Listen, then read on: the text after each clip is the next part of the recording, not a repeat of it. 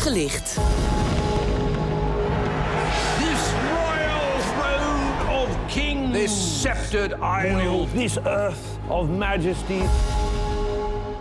Ja, hij was nog maar net vertrokken en toch maakt hij weer een comeback. Boris Johnson, ditmaal op televisie in een gloednieuwe serie. Vanuit Londen correspondent Anne Sane. Uh, Anne, Johnson speelt niet zelf in de serie. Hij is wel de hoofdpersoon, hij wordt gespeeld. Uh, jij hebt hem al gezien. Vertel, waar gaat hij over, die serie? Ja, ik heb eh, de eerste paar afleveringen gekeken, inderdaad. Een zesdelige serie is het dat een inkijkje geeft achter de deuren van Downing Street 10 ten tijde van de coronacrisis. En dan gaat het vooral over het begin van die crisis en hoe chaotisch dat verliep. Met een premier Johnson die drukker is met zijn zwangere vrouw, uh, met zijn volwassen kinderen die niet op zijn sms-berichten reageren. En het boek van Shakespeare dat hij op dat moment aan het schrijven is, dan met die dreigende pandemie.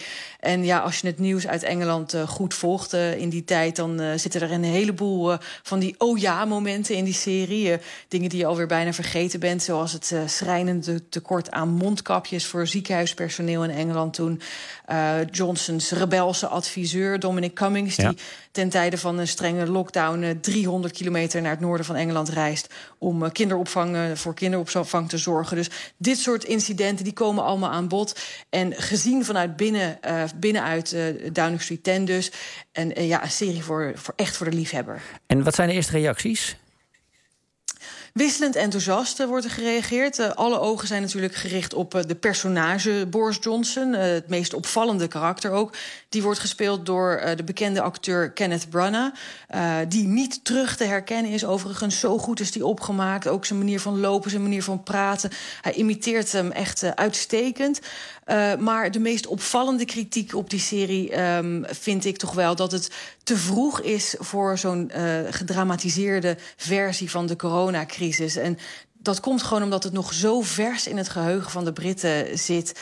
En die kritiek maakt toch wel uh, pijnlijk duidelijk hoeveel crisissen en schandalen het Verenigd Koninkrijk de afgelopen jaren heeft gezien. Het EU-referendum, premiers ja. die voortijdig opstappen.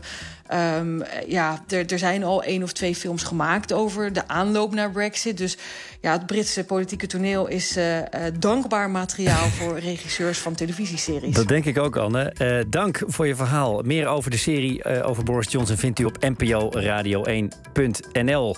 Zometeen literair nieuws in Villa VDB met Jurgen van den Berg uiteraard. Want daar maakt de jury van de Boekenbon Literatuurprijs 2022... de voormalige ACO Literatuurprijs bekend welke vijf boeken er op de shortlist staan.